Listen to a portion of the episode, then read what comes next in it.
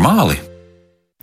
Esiet sveicināti! Un atkal sarunas par mums pašiem. Ēterā raidījums, vai tas ir normāli, studijā Kristiāna Lapiņa par skaņu rūpējas Una Leimane. Šis ir raidījums par psihisko veselību, par dzīves kvalitāti un par to, ko mēs varam noskaidrot paši par sevi. Mēs uzdodam jautājumus un aicinām jautājumus uzdot arī jūs klausītājus. Savus varat sūtīt uz raidījumu elektronisko pasta adresi, vai tas ir normāli at Latvijas radio.lv. Varat sūtīt ziņas arī Latvijas radio mājaslapā, atrodot raidījumu raidījumu, vai tas ir normāli ziņojumu lodziņu, un, protams, zvanot. Tālruņa numurs studijā ir 67 222 888. Šodien runāsim par vientulību vai vajadzību būt vienam, par autonomiju vai tieši otrādi nespēju būt kopā. Kā izprast sevi, savas vajadzības un kā saglabāt saikni ar sevi un citiem cilvēkiem, šos jautājumus uzdosim psihoterapeitai Ainai Poišai. Sveicināta! Labvakar! Un arī kognitīva behaviorālās terapijas speciālistei Agnesei Orupē. Sveicināti! Labvakar! Es gribētu sākt ar tādu, nu, ļoti skaistu dzējoli, bet savā ziņā tas ir ļoti skumjš. Un autors ir Imants Ziedonis, neviens cits, un dzējols ir šāds. Es vairs nevaru viens pats iet tais mājās un ceļu prasīt. Es vairs nevaru viens pats pēru gintu un faustu lasīt. Man nav spēka vienam ar sevi izcīnīt kauju, un man nav spēka vienam, kad no rītiem es kāju sauju.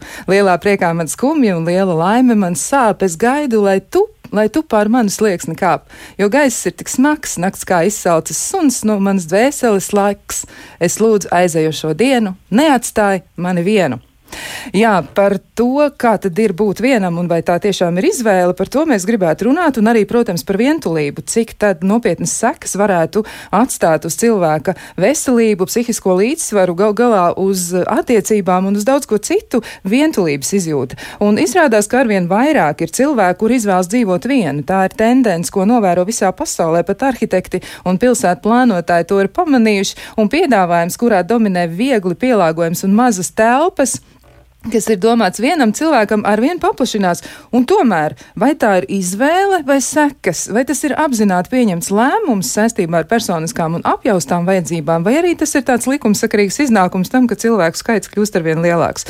Un citi cilvēki savukārt vēlas būt kopā ar kādu, bet nevar šo vēlmi piepildīt, jo jūtas atstumti, nesaprasti vai varbūt neprot attiecības veidot ar citiem cilvēkiem, kaut gan ļoti ilgojas pēc tām. Nu tad galu galā, ar ko tad atšķir šie stāvokļi un vai justies tā vai citādi ir normāli. To arī šodien jautāsim. Un es gribētu pirmo jautājumu uzdot Ainai Pošai. Es gribētu jautāt, ko tad īsti nozīmē būt vienam vai vientuļam? Ar ko tas vispār atšķirs? Ai, diezgan sarežģīts jautājums, jo pirmkārt man kaut kā ļoti ietekmēja Imants Ziedoņa dzējolis, jo mēs viņu visi pazīstam, man liekas, šis ir tas brīdis, ka viņš kaut kā mūsu dvēselē ļoti ievibrē. Un otrs ir tas jautājums, kas, protams, cilvēkiem aktualizējās. Tomēr nu, vientulība jau mums ir sen pazīstams fenomens, un ne visi, kas ir vieni, tiešām jūtas vientuļi. Mums jāmēģina kaut kā sarunas gaitā laikam šķetināt šo jautājumu. Bet, eh, ja man tā dvēseles vibrācija liek atbildēt pirmkārt, tad es domāju, cilvēku vajadzība pēc pieņemšanas, iederības, nozīmības, kaut vai tāpēc, lai arī mūsu hormonu darbība būtu kaut kādā balansā, tad spoguļu neironi aktivizējas tikai tad, kad mēs esam kontaktā ar kādu. Un līdz ar to tā mazā sāpe, viņa nemaz nav tik maza, ka tā piespiedu distancēšanās mums atņem kontaktus. Un līdz ar to tā vientulības sajūta ir stipri pastiprināta, kas varbūt sāsina arī mūsu tādas emocionālās sāpes, kas mums ir sakrājušās dzīves gaitā. Jo grūti man iedomāties kādu cilvēku, kas nepazīst tādu sajūtu, ka tu esi atraidīts, ka tu neesi pieņemts, ka tu nejūties iederīgs, vai ka kādam nav svarīgi tas, ko tu domā, ko tu jūti.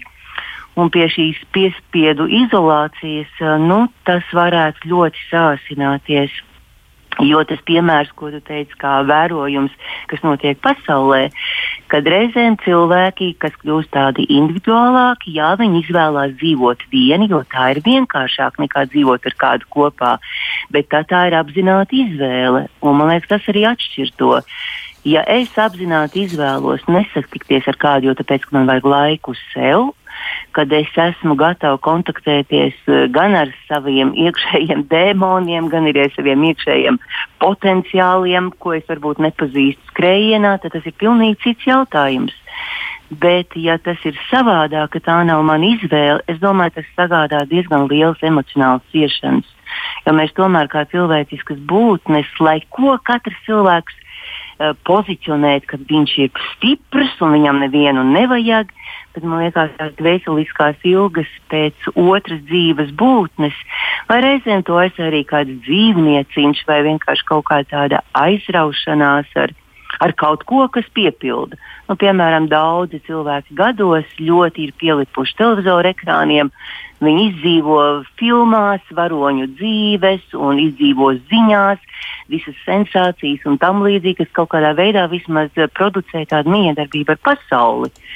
Tas ir kaut kas vairāk nekā kad pilnīgi esi viens kā koks tukšā laukā, vai kā mājas, ko mēs kādreiz redzam braucot pa Latviju, kurās nespīd neviena uguntiņa, kuras ir pamestas, jo tā vientulība jau ir redzama dabā mums apkārt, ne tikai cilvēciskās attiecībās. Nu, tāda skumja tēma, Kristiāna. Jā, bet tāpat laikā es nu, domāju, ka noteikti par to ir vērts runāt, un arī ierosinājums šim tematam bija mūsu pārunas ar draugiem, ar kolēģiem, ar paziņām par to, kā ir būt vientuļam, jo tas noteikti ir kāds, nu, tāds pazīstams stāvoklis, bet eh, kā tas iet kopā ar būšanu vienam, jo varētu būt arī sarežģīti šajā laikā nobalansēt, kā saka, starp būšanu vienam un vēlmi būt vienam, un vai tas var, nu, varbūt arī lai tas neaizved pie vientulības. Agnes, es arī tevi gribu iesaistīt sarunā. Ko tu par to domā, par būšanu vienam un vientuļam? Um, jā, nu cilvēki šajā ziņā ir, um, viņos mīt tāda pretruna. Mūsos uh, mīt divas ļoti būtiskas vajadzības. Ja vaina minēja, ka uh, mums ir ļoti vajadzīgs tas, ko es saucu par mēs, par piedarības sajūtu, kāds kolektīvs, kam piederēt, vai tā ir ģimene, vai tā ir, vai tā ir nezinu, kaut kāda grupa, vai tauta, vai, vai nezinu, pat eiropieši, vai, vai nezinu, vienkārši cilvēciskā rasa pret, pretstatā vēl kaut kam. Bet mums ir vajadzīgs visiem kāds mēs. Un tā ir tā kā viena kāja mm, no divām cilvēku ķermeņa kājām, ar kurām mēs staigājam. Uh, Un tad pretstatā mums ir vajadzīgs arī es. Mums ir vajadzīga autonomija, mums ir spēja, vajadzīga spēja kā, sevi definēt, teikt, es to lemju, es izvēlos, es to gribu, es šādi domāju. Un tā ir kā otra kāja. Un, un tā, tā pretruna vai, vai hmm, tā dilemma, kas mūsos rodās, uh, Noteikti tajā brīdī nu, mēs labi varam dzīvē iet uz priekšu, ja mums abas kājas ir veselas, un ja mēs pārmaiņas varam iet ar vienu spērt soli, ar otru, ar vienu, ar otru. Nav svarīgi, cik mēs ātri to darām, bet svarīgi, ka mums abas ir līdzsvarā, abām muskuļi labi strādā, abas ir vienādi attīstītas. Savukārt, ja viena kāja ir kliba vai, vai mums kādu laiku jālec uz vienas kājas, kā tas šobrīd ir uh, Covid apstākļos, uh, pandēmijas situācijā, piespiedu kārtā noticis, nu, uz vienas kājas lēkāt ilgstoši ir ļoti grūti. Un atkarībā no tā, kura kāja cieš, nu, tad mēs izjūtam šo sāpi par to, ka vai nu mēs kļūstam vientuļi, jo ir kaut kas noticis ar mēs kāju, vai arī Mums tieši otrādi tā mēs ir par daudz, mēs esam smoka, mums ir tik ciešas tās attiecības, mēs esam tā saspiesti kopā, ka mums ir tieši vajadzīga šī viena ne, iespēja pabūt pašiem ar sevi, lai mēs varētu sakontaktēt ar savu dvēseli un nejusties vientuļi tāpēc, ka mēs vispār sevi nedzirdam. Un man tāds eh, slēdziens rodas pašai, klausoties, ko jūs abas stāstāt par to, ka nu, tad varētu būt tā, ka būšana vienam tomēr ir izvēle. Es varu sajust kaut ko sevī, un tad varu izvēlēties būt viens, ja tas man ir nepieciešams. Bet tad, nu, tad atkal jautājums ainai, kā es varu saprast, ka es gribu pabūt viens vai ka man vajag pabūt vienam? Nu, tas, jā, kā, kā to noķert, to, to sajūtu un atpazīt pareizi? Nu, man ir vieglāk laikam caur savu pieredzi atbildēt uz to jautājumu, jo, ja ir pārāk daudz kontaktu vai pārāk maz personiskā telpa parādās, piemēram, dzīvojot mājasēdē, tad eh, tādas eh, nu, simptomātiskas pazīmes ir, ka vienkārši sāk kaut kas tracināt, kaitināt. kas varētu būt ļoti līdzīga tādai izdegšanas sajūtai, kad tev spiež nost. Tas, ko Agnēs arī teica, vienkārši tev spiež tā kā nost, pietrūkst elpas. Un tad, ja mēs sevi pazīstam un mums ir tādas attiecības, kur mēs varam brīvi un atklāti komunicēt par savām vajadzībām, tad es domāju, tas ir brīnišķīgi, ja cilvēki nekautrējās to pateikt. Šobrīd man ir vajadzīga pauze es varu no savas sistēmas, eh, kas ir mājas, privātā sistēma, vai arī, nu, principā tas šobrīd ir dominējošais, mazliet izkāpt ārā un, un saprast, ka tas nevienam nenodara pāri. Ja es apzināti patrenēju muskultai savai kājai, kur es esmu autonoma, ka man vienkārši vajag mainīt kaut kādu savu iekšējo ritmu, un neiesaistīties attiecībās, jo jebkuras attiecības tomēr prasa kaut kādu piepūli. Arī tad, ja mums ir vieglas attiecības, tas tomēr ir iesaistīšanās, tīri enerģētiski vai tīri tādā apusējo vajadzību saskaņošanā vai arī konfrontēšanā, kā nu kurā gadījumā tas notiek. Bet, ja cilvēks sev pazīst un viņš rūpējās par to, tad man liekas, tas ir labākais, ko šobrīd var darīt. Jo es aizsnu runāju ar vienu mammu, kura sēž mājasēdē ar četriem bērniem. Viņa teica, viņi ir izdevuši likumu, ka ikvienam ir tiesības vienkārši parādīt tādu zīmi, lieciet mani mierā un ir uzzīmēts ka komiks veidā, veidā tāds zīmējums, ka tas nenozīmē, ka cilvēks ir pilnīgi nepieskaitāms, ka vienkārši viņam ir tiesības pieprasīt, lai pārējie viņu liek mierā. Ja vēl var uzrakstīt tieši uz kādu laiku, vai tā ir pusstunda, stunda vai divas stundas, tas ir vēl informatīvāk un vēl saprotamāk. Trakāk ir tad, ja mēs caur savu uzvedību jūtam, ka kaut kas nav īsti labi, bet mēs nerisinām šo situāciju. Un tad pārējiem cilvēkiem ir grūti uzminēt tos patiešos iemeslus iemeslus, jo viņi sāk justies vainīgi, ka viņi kaut ko ne tā. Un tad tas uh, aiziet kā sniega bumba uz tādiem konfliktiem, kur reizēm nav risinājumu.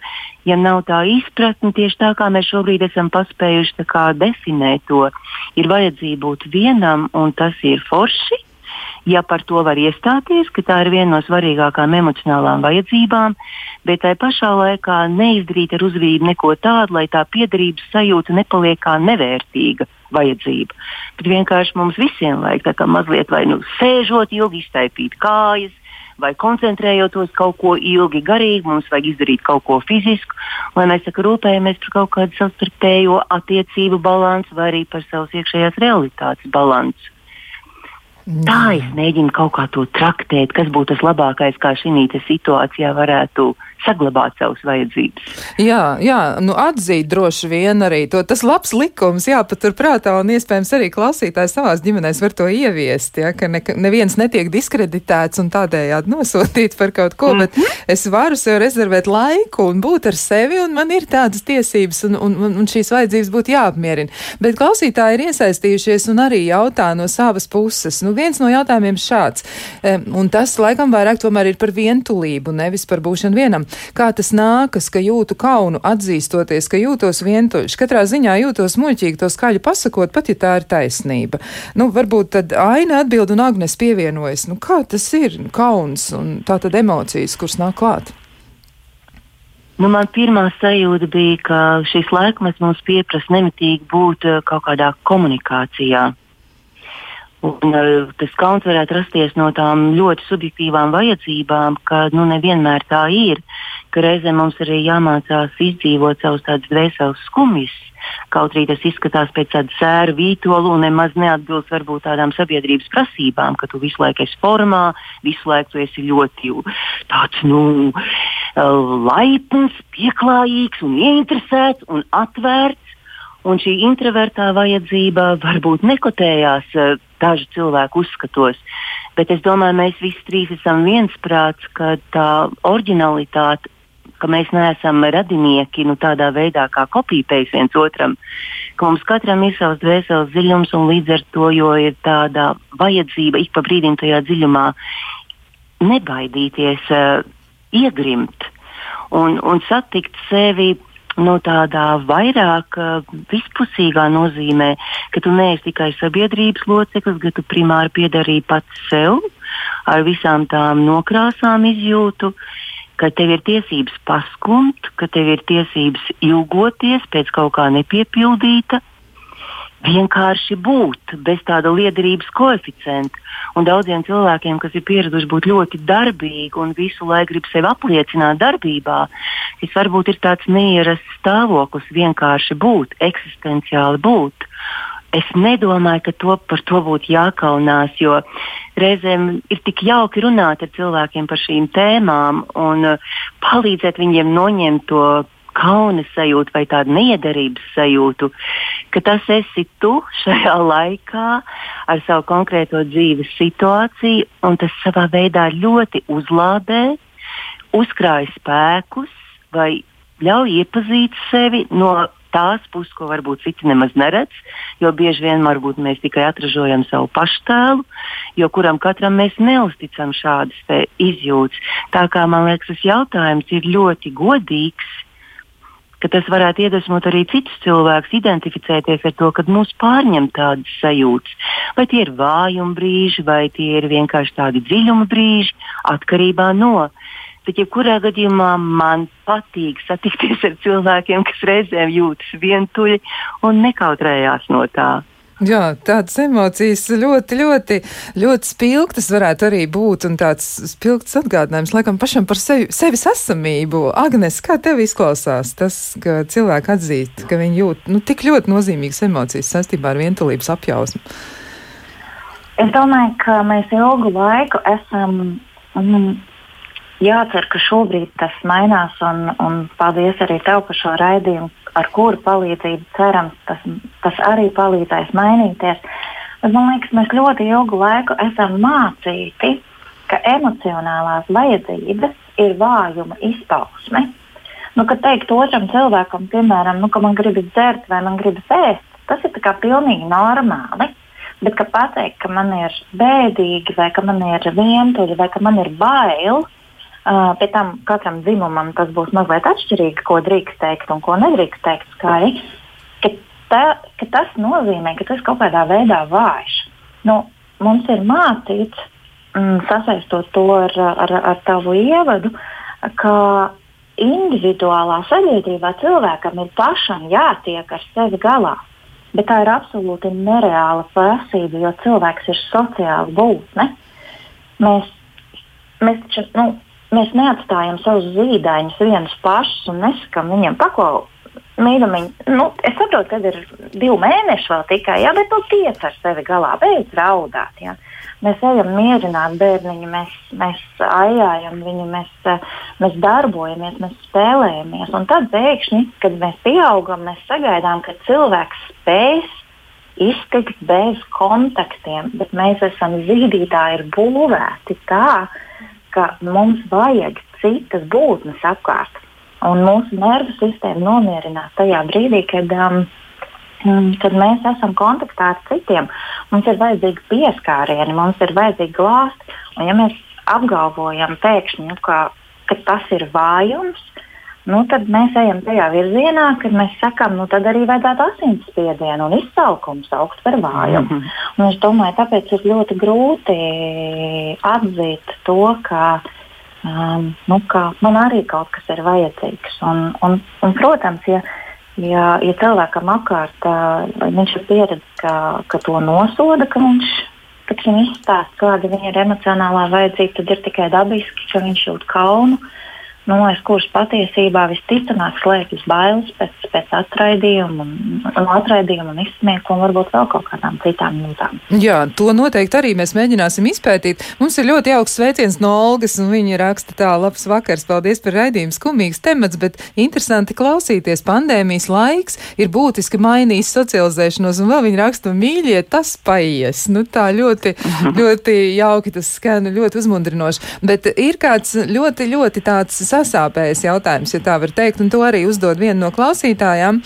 Un, uh, viņa raksta tā, es visvairāk vēlētos būt ar kādu kopā, tomēr man, manos pl 35 plus gados nav izdevies izveidot ģimeni. Es pat nezinu un nesaprotu, kāpēc, bet šīs situācijas dēļ esmu dziļā izmisumā, jo nejūtos kādam vajadzīgi un nezinu, cik ilgi spēšu tā izturēt, jo darba kolēģi domā, ka neesmu normāli.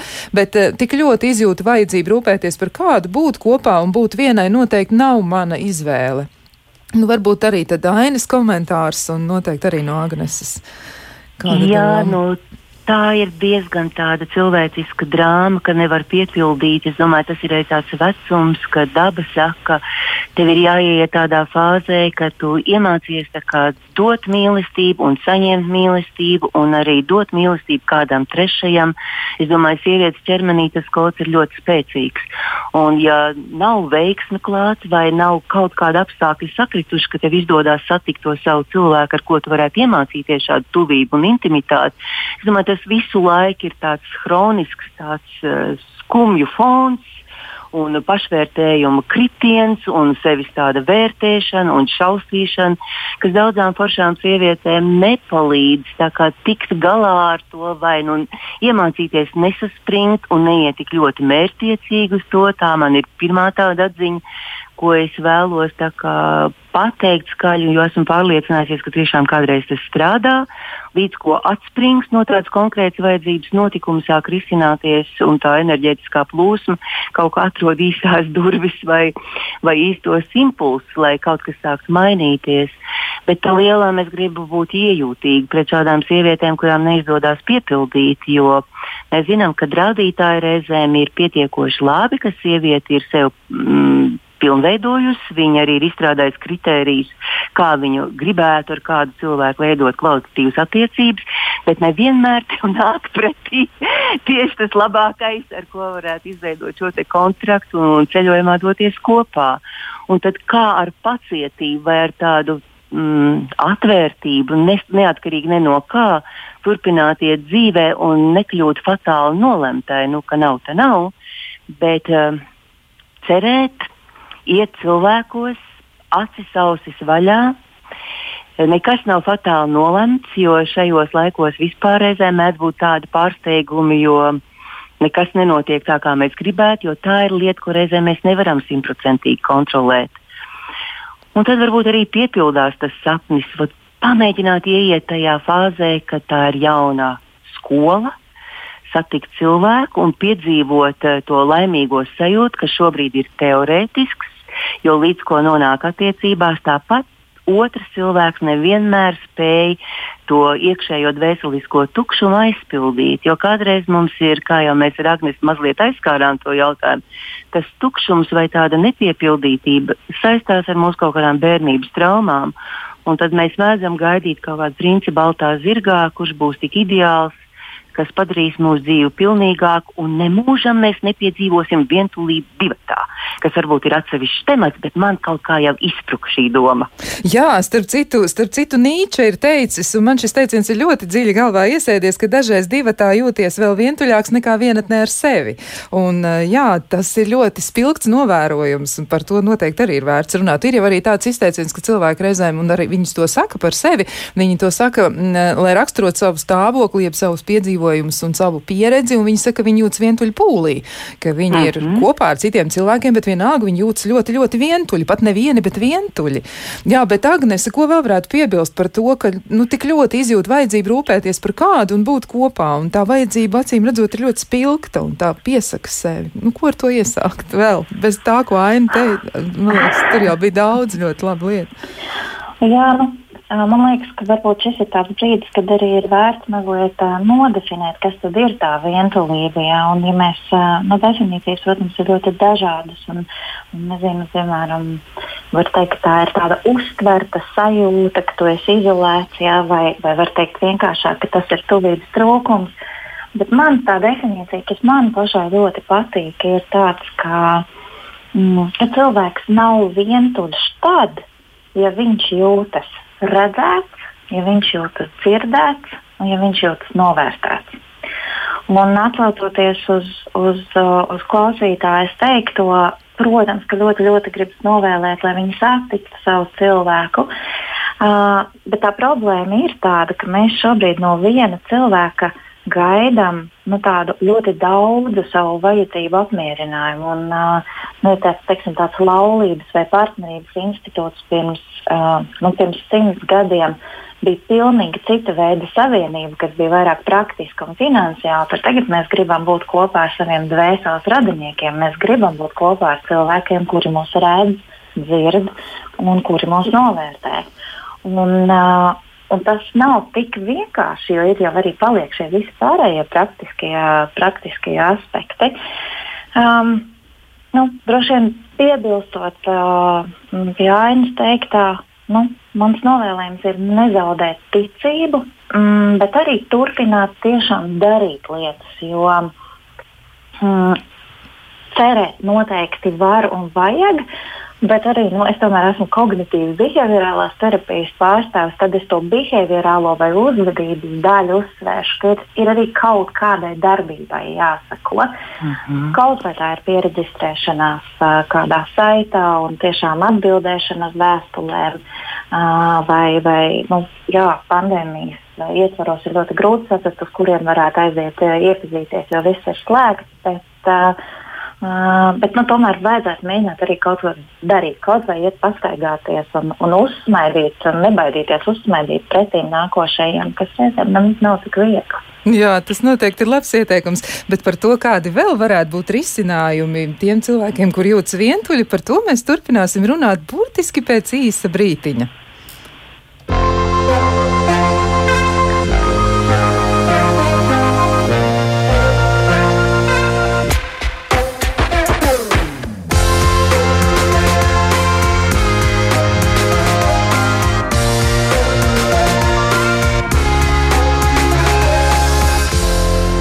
Tas ir normāli?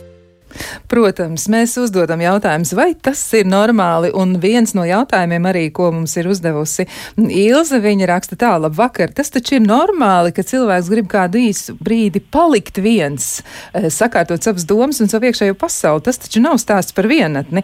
To mēs noteikti paturam prātā, un uz šo jautājumu vai uz šo te piedāvājumu apspriest šo ideju, noteikti pie tā atgriezīsimies. Bet pirms mēs turpinām sarunu, atgādināšu, ka mēs atbildām uz jūsu jautājumiem, un jūs tos varat droši droši iesūtīt e-pastā, vai tas ir normāli at Latvijas radio.lv, izmantot ziņojumu logu un arī mēģināt mūs sazvanīt pa tālruņa numuru 67 222 888. Un vēl kāda ziņa gribu atgādināt par pieteikšanos podkāstam. Vai tas ir normāli? Ar šādu pašu nosaukumu ir arī podkāsts. Un varbūt kāds jau ir pamanījis, bet varbūt kāds vēl to nav ieraudzījis.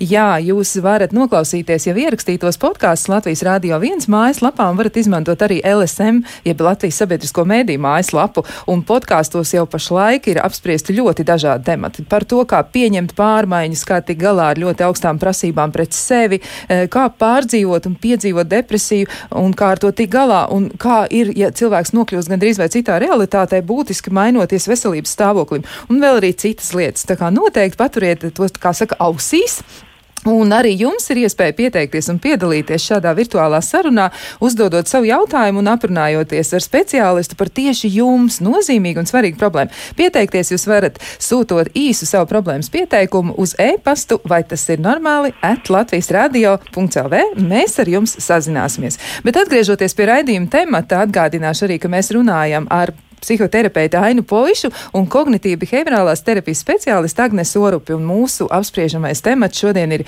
būšana vienam vai vientulība, kādas tad ir atšķirības. Bet atgriežoties pie Ilzas teiktā, nu kā tad ir, vai tas, ka cilvēks grib kādu brīdi palikt viens un sakārtot savas domas un iekšējo pasauli, vai tas ir normāli? tas taču nebūs stāsts par vienatni, kā viņi jautā. Varbūt šoreiz Agnese vispirms atbild, un tad savukārt Aina varēs piebilst savas idejas. Protams, ka tas ir normāli. Un, eh, un pie tam ir jāņem vērā, ka katram cilvēkam būs atšķirīga vajadzība pēc, eh, pēc laika brīža, ko viņš vēlēsies pavadīt vienatnē. Uh, ja mēs, piemēram, paskatāmies uh, uz cilvēkiem, nu, tā rūpīgi viņus sadalot ekstravertos un introvertos, bet ne no tā aspekta, cik viņi viegli veido attiecības ar citiem cilvēkiem, bet no tāda aspekta, kur cilvēks uzpildās ar enerģiju, tad ekstraverti ir cilvēki, kuri iegūst enerģiju, esot kopā ar citiem cilvēkiem. Savukārt introverti iegūst enerģiju vai atjaunojas laikā, kad viņi ir vieni. Bet neatkarīgi no nu, līdz ar to introvertiem droši vien vajadzēs vairāk laika vienatnē nekā ekstravertiem. Bet neatkarīgi no tā, visiem, visiem cilvēkiem ir vajadzīgs kvalitatīvs laiks vienatnē, kvalitatīvs laiks klusumā, kvalitatīvs laiks domām pašam ar sevi. Nu, sakārtot savu iekšējo pasauli, saprast, kādas ir manas vajadzības šeit un tagad. Un, uh, nu, jā, un tas īstenībā pandēmijas apstākļos bieži vien ir liels izaicinājums, ir īpaši tiem, kur dzīvo pilsētā. Jā, tā varētu būt. Pilsēta, pilsēta ir ļoti grūti apdzīvojama vide, ja tā var teikt, un arī es zinu, ka vidas psihologi ir konstatējuši to, ka, ja samazinās fiziskā distance starp cilvēkiem, tad ļoti, ļoti pieaug vajadzība paplašināt, ja palielināt emocionālo distanci. Tās tāds arī interesants novērams. Jā, bet ko Aina varētu piebilst pie šī, ko tu saki, ja cilvēkam ir, nu, Nu, es pieliktu trīs izsaukumu ziemas raidījuma nosaukumam, vai tas ir normāli? Jā, jā, jā, jā. jā. Tas ir normāli, ka mēs rūpējoties par sevi, paņemam laiku sev pašām, vai arī vīrieši varbūt to dara labāk, jo mēs mēdzam teikt, vīrieši ielienā liņā, un viņi negrib, lai viņus traucē. Bet uh, 21. gadsimtā arī sievietes dzīvo vīrišķā pasaulē un reizēm nogurst no visām tām lomām, kas ir jānes, kas ir jāpiepild vislabākajā veidā un ielīšana aliņā vai tādas sevis aprūpēšana vai sakārtošana. Liekas, tas ir vienkārši viselementārākā psihohigiēna katram cilvēkam. Tā kā par to pat mums nebūtu vairs jādiskutē. Tur ir jā, jā, jā, tas ir normāli, tas pat ir nepieciešams. Labi, tātad to mēs arī liekam aiz auss. Bet eh, vēl ir viens no klausītājiem aizskārs tādu ļoti nopietnu tematu rakursi, tā var teikt, jo daudzi paliek vieni, un viņš saka, ka baidās dzīvot ar savu dzimumu partneri. Tātad cilvēka izvēle ir nevis, eh, nevis attiecībās pretējo dzimumu, bet tātad viņš vēlas veidot attiecības ar savu dzimumu pārstāvu. Un, uh, arī tur droši vien ir daudz dažādu lietu tieši saistībā ar at sabiedrības attieksmi vai attieksmi pret sevi. Kas tie varētu būt par aspektiem, jau tādām galvenajām lietām, par ko varētu domāt? Varbūt, ka tur ir arī vēl citas lietas, atstumtības bailes vai bailes no noraidījuma, varbūt vēl kaut kādas lietas. Varbūt, nu tagad atkal griezīsim otrādi, tagad aina atbild vispirms un pēc tam Agnes piebilst. Es pat mazliet samulsu, jo izklausījās, ka tas jautājums nav par seksuālu orientāciju, bet par vēlmu dzīvot komunā, bariņā? Nē, šķiet, ka, nu, es varu citēt vēlreiz, daudzi no. paliek vieni, jo baidās dzīvot ar sava dzimuma partneri. Tas ir par, par uh, konkrētu um, attiecību formu, ja tā var teikt. Jā, cilvēks mēģina saprast, kā tad būt, ja sava dzimuma ah. partners, jā, un, un acīm redzot, nu, ir bažas par to, kā tad būs, un tāpēc izvēle reizēm ir vien, būšana vienam, vai reizēm tas var aizvest pie vientulības. Nu, ja tas ir seksuālās orientācijas jautājums, tad varbūt ir milzīgs spiediens, eh, kas rada bailes, kā to pieņems mani svarīgie cilvēki. Ja es atļaušos iet šādu ceļu, tad es sāku melot vai, vai dzīvot tādās ilūzijās par to, kā es esmu piederīgs pie normas, saucamās pēdiņās ieliekam, bet es neko neradu tādu, lai manā dzīvē tiešām piepildītos manas vēlmes. Un tad tāda maskēšanās vai tāds liekulības tirgus nekad neataisnojās. Man liekas, tā ir tāda vardarbība pašam pret sevi. Bet dabīgi, lai pieņemtu tādus lēmumus, eh, tad iet uz to intimitāti ar visu to sajūtu, ka tas ir risks. Jo, ja tu gribi mīlēt, tad skaidrs, ka tev jābūt gatavam arī sāpēt, jo kur ir satikšanās, tur ir iespējams šķiršanās, pārpratumu, komunikācijas grūtības, kā jebkurās attiecībās.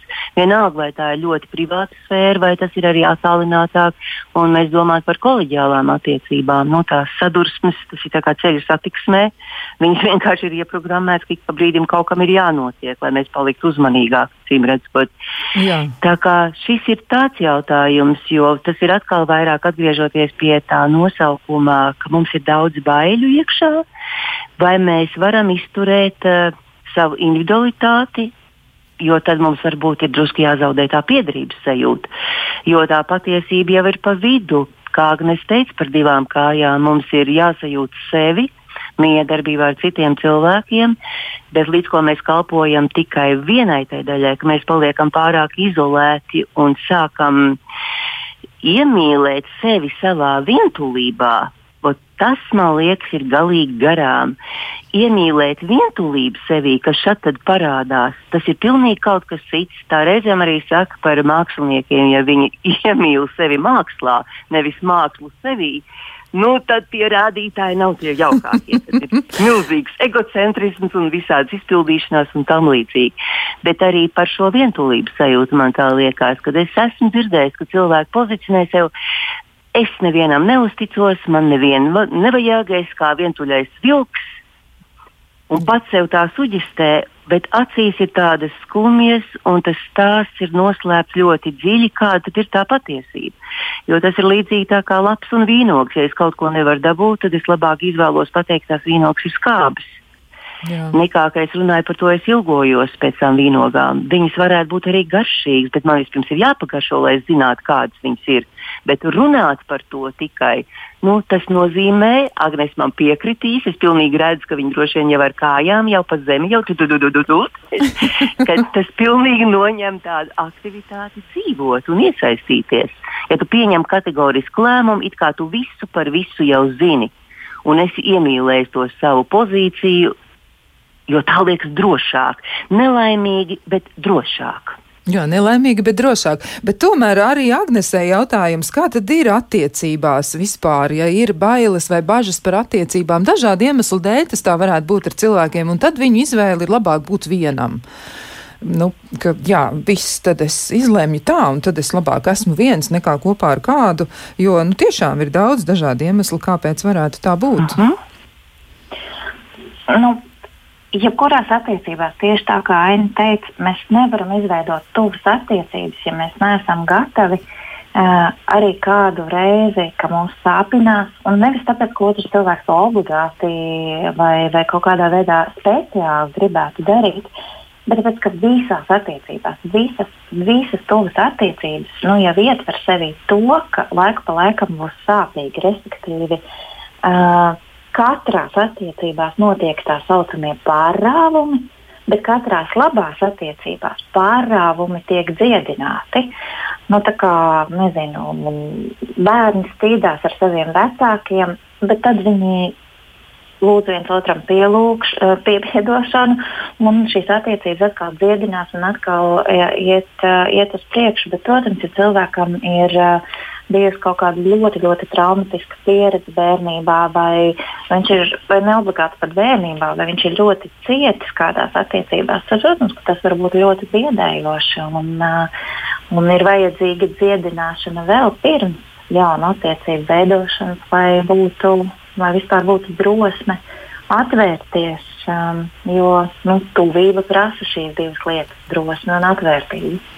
Jā, man arī nākamais jautājums būs par to, kā tad vientulība varētu ietekmēt cilvēku arī, nu, tādas noscīt negatīvas sekas, kuras varētu būt, jo mēs, nu, zinām, ka ar citiem nozīmīgiem stāvokļiem arī vientulības izjūta varētu būt saistīta, nu, piemēram, depresijas gadījumā droši vien arī tas būs samērā bieži pavadonis izjūtu ziņā, un varbūt arī vēl kaut kas, ko maina vientulība un, un kādas problēmas vēl rada bez tā, ka, jā, ir tā apziņas, esmu vientuļš, bet notiek taču vēl kaut kas, vai tā ir vēl lielāka attālināšanās no citiem cilvēkiem, vai varbūt vēl kādas citas lietas, varbūt fiziskajā līmenī parādās kādas problēmas. Varbūt Aina var komentēt, kā tas ir. Jā, man šķiet, ka tas druskuļi deformē tādu pasaules izjūtu, ka tas uztvers lauks paliek mazāks, jo nav visu laiku, ja mēs esam attiecības, mums ir kaut kāds nu, nu, stimulu, tāda stimula paēšana, kad ja mēs esam kopā ar citiem cilvēkiem dažādās situācijās, mēs tiekam stimulēti. Un līdz ar to mums ienāk kaut kas jauns iekšā. Ja cilvēks pārāk ilgi izolējās un uzbūvēja ap sevi ķīnas mūri, nu, mēs mēdzam teikt, ka tie cilvēki paliek īpatnēji, maigi sakot, kad viņi uz lietām sāk skatīties savādāk. Eh, es negribu viņus kritizēt, bet vienkārši atbildot uz šo jautājumu, diemžēl tā notiek. Tas arī ir tāds atbildības uh, aspekts, kad mums būtu svarīgi apzināties to, ja mēs esam pārāk ilgi ārpus kontaktiem ar citiem cilvēkiem, kas mūs kaut kā attīsta, pilnveido, pabuktē, pastumi, pavelk tad mēs paliekam tikai paši ar savu pasaulīti. Un tā pasaulīte, ja viņa netiek stimulēta, viņa diemžēl sašaurinās. Es ļoti labi atceros, domāju, visas jaunās māmiņas atcerās, ka tu esi kādu laiku kopā ar mazu bērniņu. Tā pasaulīte paliek ļoti šaura. Un tas ir labi priekš pirmā dzīvības gada, bet līdz zināmai robežai, jo kaut kur mēs tagad arī jaunajām māmiņām sakām, tu nevari pazaudēt pati sevi nu, tajā aprūpē. Jo tas kādreiz uzliek tādu nu, sajūtu, ka vilciens iet, bet es viņā nevaru iekāpt kaut ko es esmu palaidusi garām.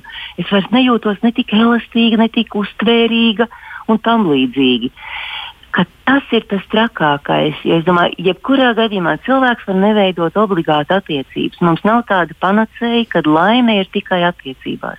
Attiecības ir forša lieta, ja viņas ir veselīgas attiecības. Vai arī, ja viņas ir neveselīgas attiecības, tad varbūt tas ir dzīves uzdevums to noformulēt un kāpt no viņām ārā. Saglabājot kaut kādu izvēles brīvību, bet ja cilvēks saka, pats sev aizliedz, un viņš nevar pats prognozēt, ka tas kaut kā ietekmēs viņu uzvedību, viņa raksturu, viņa attieksmi pret citiem cilvēkiem. Nu, tā ir viņa darīšana no vienas puses, bet līdz cilvēkiem ar viņu nebūs viegli, jo viņš stāv tā kā uz perona, un citi, piemēram, brauc ar vilcienu kaut kur. Citi saka, kā priekšā. Viņš saka, nē, nē, šis vilciens nav priekš manis. Šī tā nekāpšu. Un nekas nenotiek. Un nekāpšu. Jā, un nekas nenotiek. Tā var būt Jā. arī paslēpšanās savā ziņā, jo vientulība liekas tik vilinoša, un pēc tam iespējams mums eh, nākas zaudēt spēju socializēties vai būt kopā ar citiem cilvēkiem. Agnese, ko tu teiksi vēl klāt pie tā visa? Nu, man tā kā gribās atsaukties uz tavu jautājumu par to, kā vientulība var ietekmēt mūsu veselību. Jā. Un, uh, uh, nu, es, es noteikti negribu nevienu sabaidīt, sakot, ka tāda vientulības neilga periodi kaut ko var milzīgi sagraut, bet tāda hroniska vientulība faktiski cilvēkos rada stresu. Un, un savukārt mēs zinām, ko stress dara ar cilvēka organismu. Ja mēs palasīsim literatūru, tad mēs atradīsim un pētījumos ir redzams, nu, ka, ka vientulības uh, radītās stresa reakcijas sekas ir uh, sākot ar imūnsistēmas vājināšanos, uh, beidzot ar dažādām, dažādām nu, saslimšanām. Un, un, protams, nu, ka literatūrā arī tiek teikts, ka cilvēki ātrāk mirst, uh, ja viņi ir vientuļi. Tā kā nu, jā, vientulība, hroniska vientulība var būt letāla. Tas izklausās ļoti biedējoši, un tad uzreiz, protams, gribas jautāt, ko tad darīt. Ja kāds cilvēks jūtas vientuļš un patiesi nevis viens, viņš grib būt kādu laiku atpūsties no citiem, jo viņš ir sadusmots, nokaitināts un viņam viss ir, kā saka, līdz, līdz kaklam, ja viņš grib mazliet atslābināties, tas būtu kaut kas cits. Bet uh, tieši vientuļš cilvēks, viņš apzinās, ka viņš ir vientuļš, viņš apzinās, ka viņam ir grūti, tas viņam sagādā ciešanas. Nu, ko viņam darīt, lai mainītu dzīvi, ar ko viņam sākt, kā mēģināt virzīties tālāk? Aina. Nu, tas piedāvājums patiesībā ir tikai jautājums, kā izkusināt to pirmo akmeni. Tas, ko mēs runājām par piederības grupām, atbilstoši savām vajadzībām, savām interesēm. Nevienmēr tie ģimenes locekļi, kuriem izveidojās tādas attiecības, ko var to sasildīties un, un apmainīties ar dažādām domām, kādreiz tie ir sveši cilvēki, kuri arī ir vientuļi, līdz ar to veidojas jau tāda grupa. Un eh, es domāju, ka ir visādas biedrības un pasākumi, kuros ir ielikta iespēja šiem cilvēkiem spērt pirmo soli, noskaidrot, kur tas ir. Nu, šobrīd viss ir apstājies, bet es ceru uz nākotni. Jo es esmu satikusi cilvēkus, kas pulcējās kaut kādos klubiņos vai tādās interešu biedrībās, nodarbojas ar saviem hobijiem. Sveši cilvēki, kas kļūst par garīgiem draugiem, un viņi gaida šīs tikšanās un izveido tādu ģimenisku sajūtu, ka tur viens par otru kaut ko zina, painteresējās. Ja kāds ir slims, pārējie uzreiz saslēdzās un nepaliek vienaldzīgi pret to. Ir iespēja mums cilvēciski sasildīties, jo tas kādreiz liekas, ok, ģimene ir pirmā doma, kas nāk prātā, tur es varu tverties, tur man sasildīs, bet nevienmēr tas ir reāli. Jā, nevienmēr. Tad iet uz kaut kādu pūli vai tādiem lieliem pasākumiem. Mēs jau aprunājām šo jautājumu. Pūlī reizēm to vientulību tikai sāsinās, bet kaut kāda maza tāda pietiekami intīma, bet ne tik ļoti intīma, lai tas rada satraukumu. Tāda grupiņa, kuru lēnā garā var iepazīt citus cilvēkus, palošņāt gaisu, paskatīties, ar kuru veidojas jau tāda interese vai kaut kāda ķīmija, ka gribas iepazīties tuvāk. Bet kā lai izvelk no mājas ārā, reizēm pieaugušie bērni uztraucās par saviem vecākiem, kas, piemēram, sēro un ir uh, nespējīgi vairāk iziet ārā no savas sēru telpas. Viņi jūt, ka viņi emocionāli zaudē to vienu vecāku, kas ir palicis dzīves. Un tam satraukumam ir pamats. Tad cik smalkjūtīgi piedāvāt, lai notiek kaut kāda izkustēšanās, nu, kā iesaistīt to cilvēku. Tur ir radoši jāpieliek visas spējas un pazīšana, kā iekustināt, nu, kā tā maigi iešūpot, lai nepaliek statisks stāvoklis uz ilgu laiku. Jo tiešām tā ir, ka tā depresija ir diezgan neganta. Viņa ir arī tikpat neganta kā mūsu covid, varbūt vēl trakāk, ka tā dvēsele vienkārši lēnām atsakās dzīvot. Tas ķermenis ir, bet nekāda prieka un vēlmes nav. Kā to pirmo akmeni izkustināt? Tas jautājums man nodarbina un laikam nodarbinās visu atlikušo mūžu. Jā, par pirmo akmeni jāatceras. Tas ir ļoti labs salīdzinājums, un tā droši vien arī ir, lai tā upe taptu brīva, ir jāizkustina Jā. pirmais akmenis. Jā, Agnese, ko tu teiksi, kas varētu būt praktiski ieteikumi, jo tu pārstāvi tiešām tādu psihoterapijas virzienu, kur skaidri un gaiši ir plāns, ja tur ir mērķis, jāvirzās. Ko tu teiktu? Jā. Kā tu to pirmo akmeni palīdzētu izkustināt? Ak, un, un, un tieši šajā laikā, ja, ja mēs būtu ārpus pandēmijas, tad, tad man būtu krietni vieglāk atbildēt uz šo jautājumu. Bet tagad, kad ir tik daudz ierobežojumu un ka tiešām ainas pieminētie teiksim, hobiji, vaļasprieku vietas un pulciņi un viss kaut kas cits ir, ir, ir slēgti, tad veidot jaunas attiecības tiešām ir ļoti izaicinoši un ir jābūt ļoti radošiem meklējot. Bet um, es teiktu, ka mēģināt varbūt tiešām mm, nu, atjaunot un uzspodrināt esošās attiecības, tās, kas cilvēkiem dzīvē jau ir, jo ļoti bieži mums ir kādi forši aizmirsti draugi vai kādi kursi biedri vai no universitātes laikiem. Vai, nu, atsveidzināt to, kas jau ir un kur jau tā saikne, jēgpilnā saikne ir bijusi. Un, um, Un man liekas, ka viena no lietām, kas ļoti palīdz pret uh, vientulību, ir veidot tādas uh, savas tradīcijas un, un rituālus, ar ko, um, ar ko es šajā brīdī, piemēram, domāju, nu, kaut vai ģimenes vakariņas svētdienās. Jā, un ka mēs zinām, ka mēs visi sanākam kopā un ka tas ir laiks, kad, um, ko mēs visi atvēlam un kad mēs visi pēdam kopā un, un ka mēs pēc tam mazliet apļāpājam. Un tā nav obligāti jābūt uh, ģimenei, tas var būt, uh, tie var būt, tā var būt draugu veidota ģimene kaut vai zūmā. Uh, kur mēs vienkārši noteiktā stundā katrs sasnākam ar savu, nezinu, tējas krūzi. Un, un tas ir laiks, kad mēs papļāpājam, kā saka, man draudzene par visu un neko. Uh, Um, nu, kaut kā tā, bet, um, bet mums ir arī jābūt uh, gataviem un atvērtiem saņemt šo citu cilvēku pieķeršanos un, un nebaidīties, kad, uh, kad tā tiek izrādīta. Jo, lai, un arī jābūt gataviem ar šo, jābūt tiešām drosmīgiem atklāt tās savas vājās vietas, jo tuvība ir tāda īsta tuvība, ir iespējama tikai tur, kur mēs varam būt nu, diezgan godīgi ar to, kā mums ir iekšā.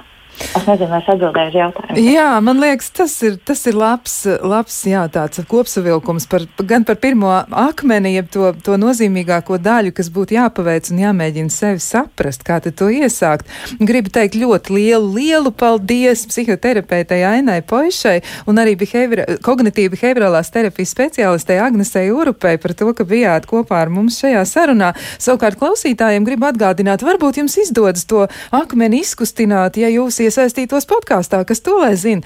Varbūt līdzdalība eh, šādā te, nu, tā teikt, nelielā avantūrā vai arī eh, veidā, kā jūs varat izprast sevi, drīzāk tā, varētu jums palīdzēt. Un atgādināšu, ka pieteikšanās podkāstam, vai tas ir normāli, ir iespējama rakstot uz e-pasta adresi, vai tas ir normāli at Latvijas radio.lv.